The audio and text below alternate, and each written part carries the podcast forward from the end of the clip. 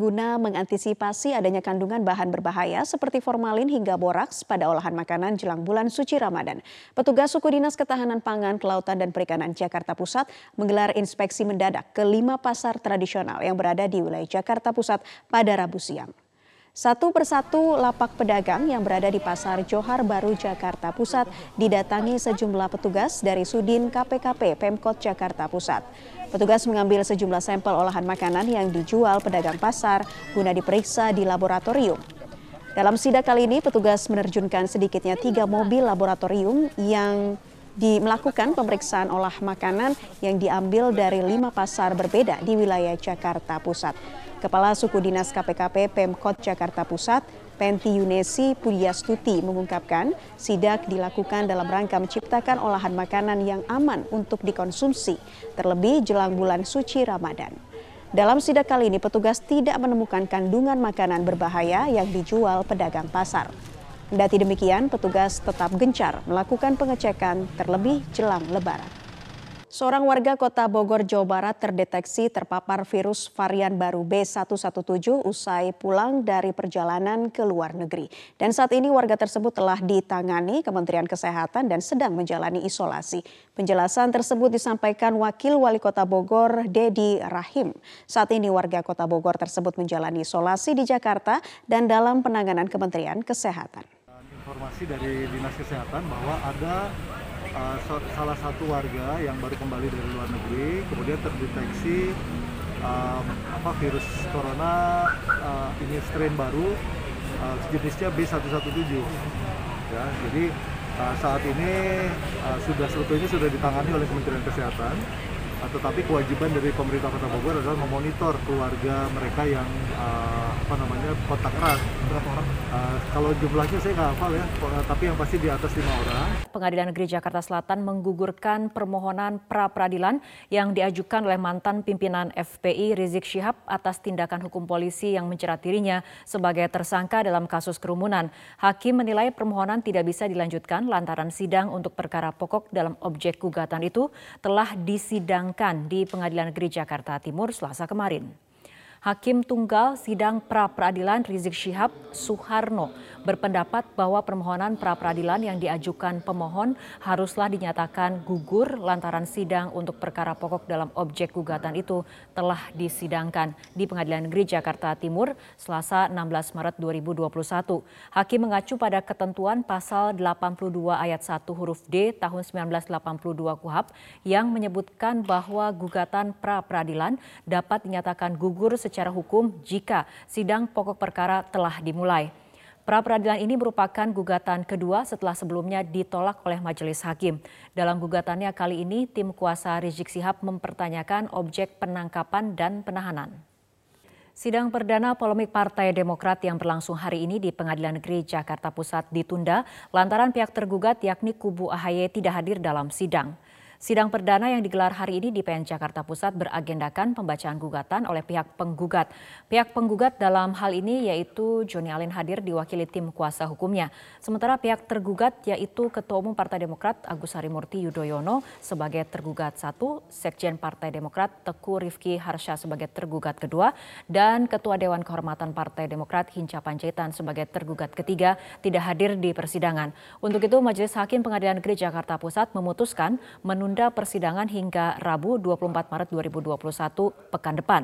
Diketahui gugatan Joni terdaftar dalam sistem informasi penelusuran perkara PN Jakpu sejak Selasa 2 Maret 2021.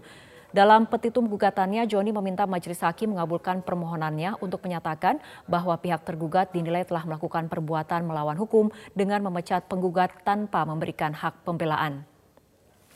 Joni juga meminta agar majelis hakim menyatakan tidak sah dan atau batal demi hukum atas surat keputusan Dewan Pimpinan Pusat Partai Demokrat tertanggal 26 Februari 2021 tentang pemberhentian tetap anggota Partai Demokrat.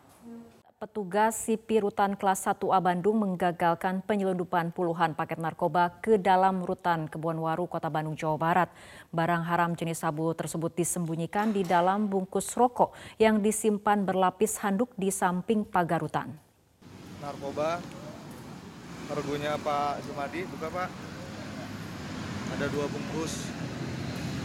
Penggagalan penyelundupan narkoba jenis sabu ke dalam rutan kelas 1A Bandung atau rutan Kebonwaru Bandung ini berawal dari ditemukannya dua bungkus rokok yang ditutup dengan handuk di samping pagar rutan oleh petugas kebersihan. Temuan bungkus rokok tersebut kemudian dilaporkan ke petugas sipir dan saat dibuka di dalamnya. ditemukan puluhan paket kecil sabu. Oleh petugas, penemuan barang haram tersebut tidak langsung dibawa ke dalam rutan, melainkan diletakkan kembali ke tempat semula untuk memancing orang yang menaruhnya untuk mengambilnya kembali. Pak Sumadi, buka Pak. Upaya petugas berhasil saat seorang pria berinisial Y mencoba mengambil barang tersebut dari tempatnya dan petugas sipir pun langsung menangkapnya. Kepada petugas, Y mengaku disuruh mengantar paket narkoba yang dipesan oleh empat warga binaan senilai 30 juta rupiah. Namun ternyata paket tersebut tidak diambil pemesannya sehingga pelaku mencoba mengambilnya kembali. Polresta Banda Aceh merilis hasil penggagalan penyelundupan ganja seberat 90 kg yang hendak dikirimkan ke Jakarta melalui Bandara Sultan Iskandar Muda Blang Bintang Aceh Besar. Polisi hingga kini masih memburu pelaku pengiriman ganja tersebut. Dalam konferensi pers yang digelar di Mapolresta Banda Aceh, Kasat Narkoba Polresta Banda Aceh AKP Raja Aminuddin Harahap mengatakan barang bukti ganja seberat 90 kg tersebut ditemukan di kargo Bandara Sultan Iskandar Muda pada 21 Februari lalu.